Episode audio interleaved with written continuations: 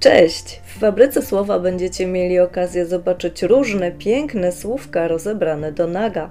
Opowiadam tutaj nie tylko o języku, ale też o innych moich pasjach, bez tabu i czasem trochę niegrzecznie, a nawet niekiedy pieprznie. Ale będzie też trochę wiedzy, więc połączycie przyjemne z pożytecznym. Dziś opowiem o sekcie entomologów, uzależnieniach i komiksach. Zainteresowani?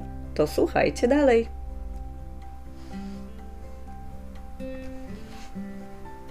Pamiętacie historię z odcinka twarzowego o tym, jak zostałam w dzieciństwie spoliczkowana przez królową?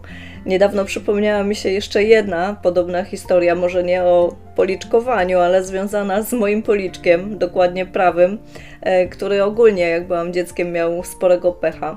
E, moi rodzice mieli przyjaciół, którzy mieszkali na wsi i mieli wielki sad czereśniowy. Takie stare drzewa, bardzo wysokie, i w którymś roku one bardzo mocno obrodziły.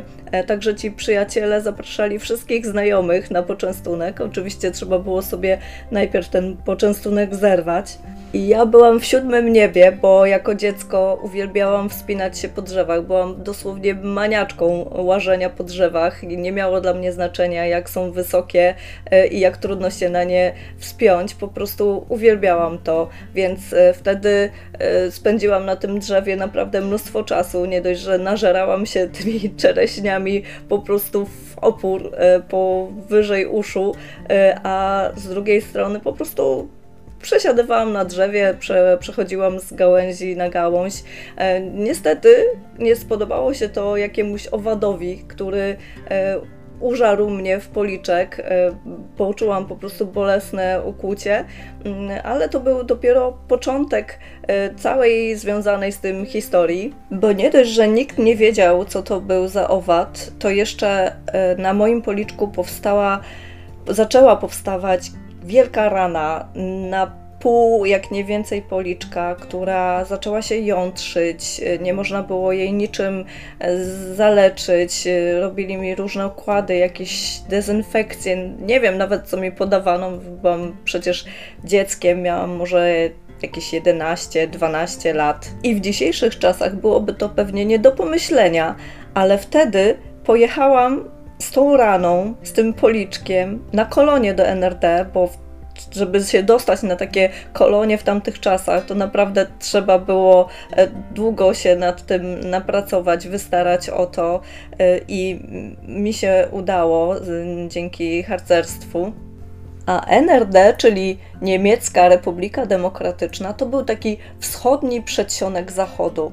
I być może to było właśnie moje szczęście, że ja z tym jątrzącym się policzkiem tam właśnie trafiłam, bo jednocześnie moi opiekunowie od razu zaprowadzili mnie do, zawieźli mnie do y, pobliskiego miasta, do lekarza, który orzekł, że prawdopodobnie ugryzł mnie szerszeń i że to właśnie jad szerszenia może powodować takie y, konsekwencje.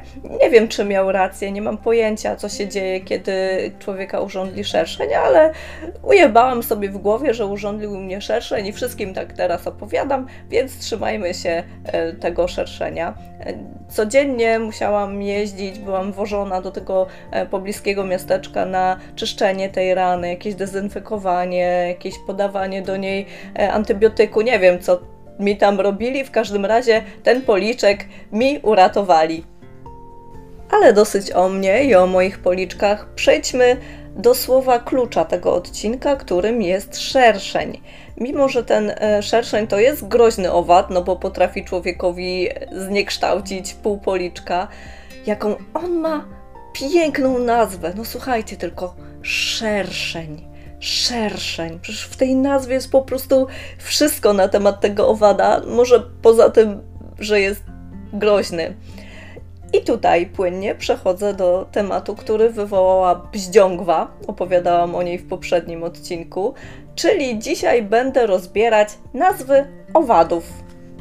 Posłuchajcie, ci entomolodzy to muszą być kurwa totalnie odjechani ludzie. Komu by się chciało łazić po jakichś krzakach, drzewach, starych strychach z lupą, czy nie wiem z czym oni tam po tych krzakach łażą i komu by się chciało oglądać tam jakieś obrzydliwe robale. Ja rozumiem jeszcze, dobra, motyle, pszczoły, no i wiadomo, że pszczoły to są nasi przyjaciele, ale jakieś muchy, pająki, pluskwy, chrząszcze albo wszy. O wszach zresztą też już w tym podcaście mówiłam. Przy okazji polecam Wam odcinek krawiecki, ale wróćmy do entomologów, czyli naukowców y, i też amatorów, którzy zajmują się badaniem różnego rodzaju insektów. Mówię Wam, naprawdę będę to dzisiaj powtarzać, to musi być jakaś naukowa sekta. Zresztą słyszycie to, insekt, sekta, wszystko się zgadza. Moim zdaniem entomolog to musi być jakiś stan umysłu. No bo wyobrażacie sobie, że znajdujecie jakiegoś robala, obserwujecie go w jego naturalnym środowisku, a pewnie większość robali nie mieszka w sterylnych warunkach, a potem łapiecie taką muchę, komara czy pająka, przyszpilacie do jakiejś kartki, żeby go na niej opisać? Ohydne.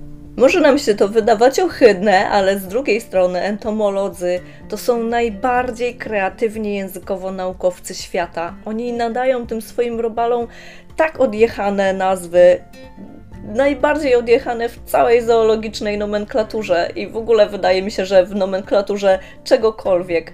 Weźmy na przykład takiego Zyzusia Tłuściocha. Prawdopodobnie każdy z nas zetknął się z nimi to nie raz, nie mając nawet o tym pojęcia, że to właśnie on Zezuś tłuścioch to taki niewielki pająk, e, który może mieć maksymalnie 8 mm e, wielkości e, i który często przebywa nie tylko w naszych garażach, szopach, piwnicach czy budynkach gospodarczych, gdzie no nie jest super czysto, ale też często w naszych domach. Więc niewykluczone, że jak kiedyś szukając czegoś w starej szafie albo w piwnicy wpadliśmy niechcący na pajęczynę, no to właśnie rozwaliliśmy mieszkanką takiego Zyzusia. Idźmy dalej, bo Zyzuś to dopiero początek nazewniczej jazdy, a mówię wam, że na bank to jest stan umysłu, te, to bycie tym e, entomologiem, bo słuchajcie tylko tego. Odorek zieleniak. Brzmi znajomo? No musi brzmieć znajomo, jeśli słuchaliście poprzedniego odcinka, e, no bo to jest właśnie nasza bździągwa, którą e, rozbierałam w poprzednim odcinku.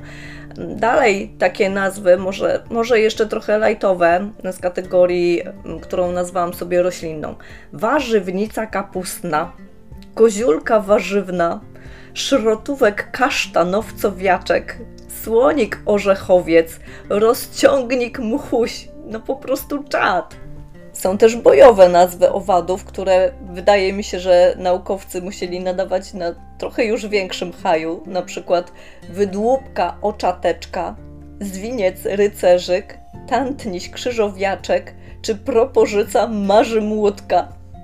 Niektóre są też od nazw przedmiotów, których używamy, na przykład pilniczek włochatek albo namiotnik trzmieliniaczek. Są też nazwy nieco groźne, takie jak zgrzypik twardziel, wtyk straszyk, psotnik zakamarnik czy złodziejaszek rypidełko. Ta jest moja ulubiona. Są też nazwy modowe, na przykład strojniś nadobny, albo nazwy charytatywne, na przykład dobroczynek. Znalazłam też nazwy medyczne, jak na przykład opuchlak rudonuk, albo nazwy sportowe, biegacz pomarszczony. I też dźwiękonaśladowcze, na przykład bzyk brzęk.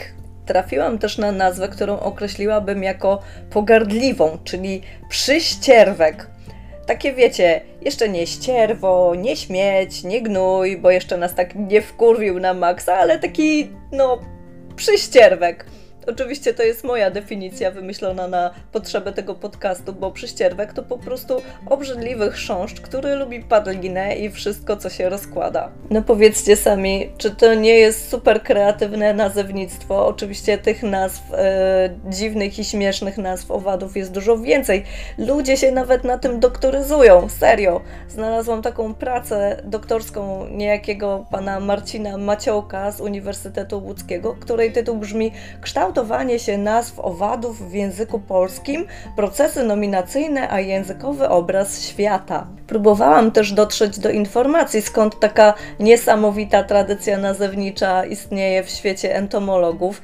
Z trudem, ale znalazłam taką jedną krótką rozmowę z dwoma naukowcami. E, wrzucam e, dla ciekawskich link w opisie tego podcastu.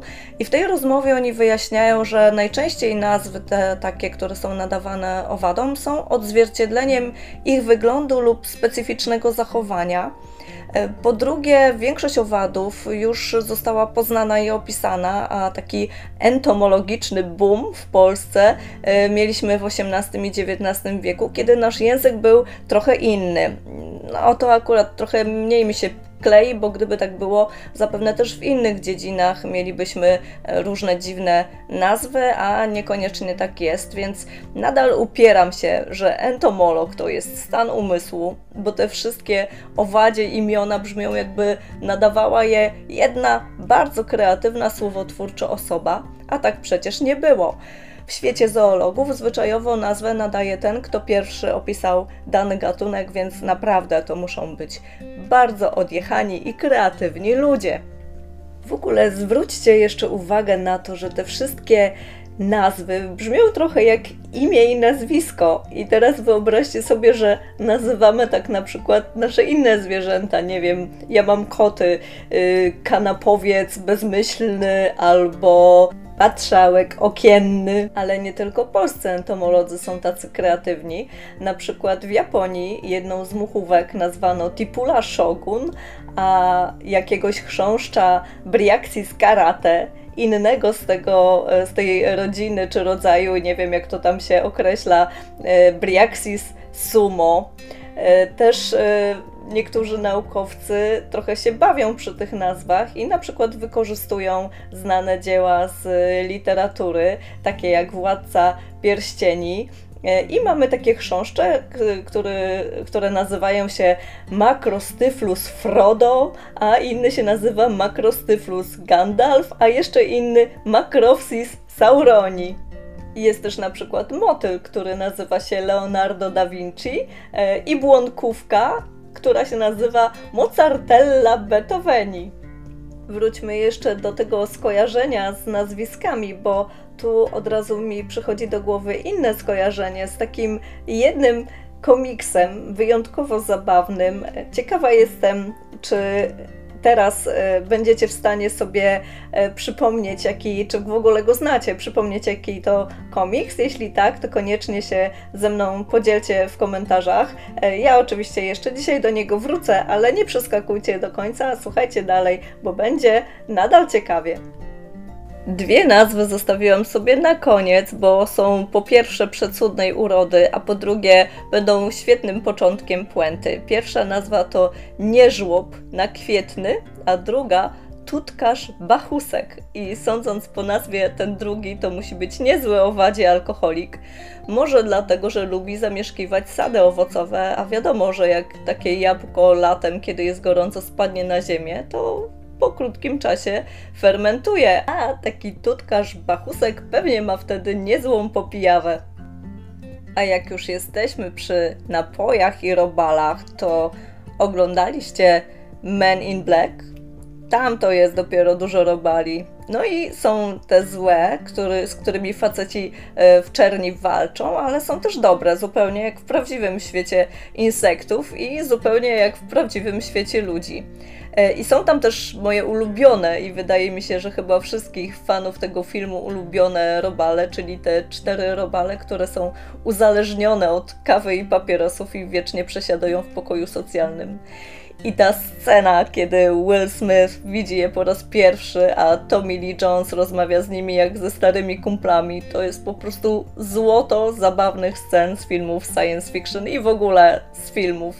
I dalej w temacie napojów, bo przygotowujemy się już do kolejnego odcinka Czy ktoś z Was pamięta takie super zabawne, momentami totalnie też odjechane, trochę jak entomolodzy, e, komiksy z cyklu Skąd się bierze woda sodowa? E, autor tej wody sodowej, Tadeusz Baranowski, stworzył też inną serię, nawet e, chyba lepszą, Antresolka, profesorka Nerwosolka. Według mnie ten Baranowski musiał się na bank otrzeć o sektę entomologów, bo jego nazwy postaci są tak samo kreatywne i odjechane. No bo jak inaczej myśleć o autorze, który indiańskiego wodza nazwał Mały Wódz, Wielki Niepokój, a poszukiwaczy z dzikiego zachodu Buffalo Kudłaczek i Bill Bąbelek, a asystentkę profesorka Nerwosolka, zresztą to też odjechana nazwa, nazwał entomologia motylkowska. No, ja tu nie mam już nic do dodania aż tak kreatywna słowotwórczo nie jestem. Polecam Wam te komiksy, bo do dzisiaj są mega zabawne, nie tylko dla dzieci, ale i dla dorosłych. Polecam też pozostałe odcinki mojego podcastu, jeśli jeszcze ich nie słuchaliście. Jeżeli podobają Wam się te moje słowne felietony, to koniecznie podzielcie się nimi ze znajomymi i zasubskrybujcie kanały na Spotify i Apple Podcasts. Za tydzień opowiem o tym, co film Przyczajony tygrys, ukryty smok ma wspólnego z herbatą. I wcale nie chodzi o wschodni rytuał jej picia. Ja jestem Anita Odachowska, a to był podcast Fabryka Słowa.